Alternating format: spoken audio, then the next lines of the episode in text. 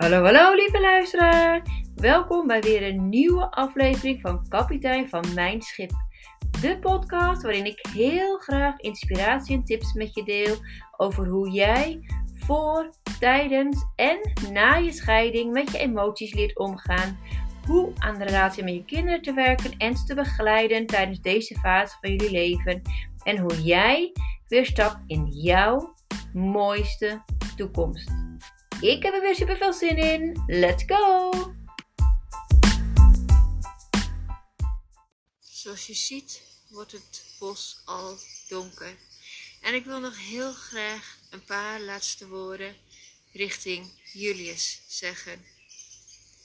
Lieve Julius, half juli 2022, tijdens het familieweekend, vertelden je ouders dat ze jou verwachten. Je ouders glommen van trots en geluk. Ik moet zeggen dat je een goede smaak hebt wat ouders uitzoeken betreft. Je was zo ontzettend gewenst. En er, werd, uh, er is rijkhalsend naar je komst uitgekeken. Lieve, lieve Julius, wat keek ik als tante uit naar het telefoontje dat je geboren zou zijn. Wat keek ik uit naar de vele foto's en filmpjes die je ouders van je zouden gaan posten. Ik keek uit naar je lach, je huiltje, de eerste keer rollen, je eerste stapjes, je eerste woordjes. Ik wist dat je ouders dit soort momenten zouden vastleggen met camera. We vol trots zouden delen. Net zoals ze het nu doen met je zusje. Ik zou je zien opgroeien en je cadeautjes brengen voor je verjaardag. Ja, lieve Julius. Ook ik keek uit naar je komst. En nu brengen we je vandaag naar je grafje. Woorden schieten tekort. Dromen zijn verbrijzeld.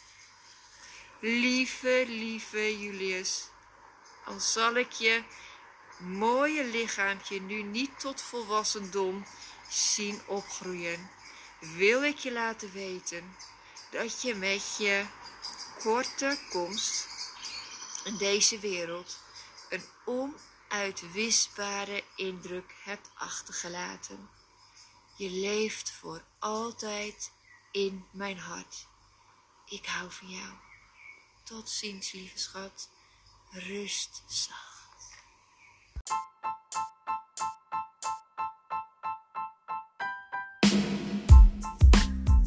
Dankjewel voor het luisteren. Ik hoop dat ik je heb kunnen inspireren en laat mij vooral weten wat het voor je heeft betekend. Mocht je de podcast waardevol en interessant hebben gevonden, deel hem dan alsjeblieft. En voor alle gratis content zou je dan alsjeblieft één dingetje willen doen. En dat is mijn podcast een review geven op Spotify. Dat ik beter bereikbaar ben voor anderen. Alvast super bedankt voor je hulp en tot de volgende keer.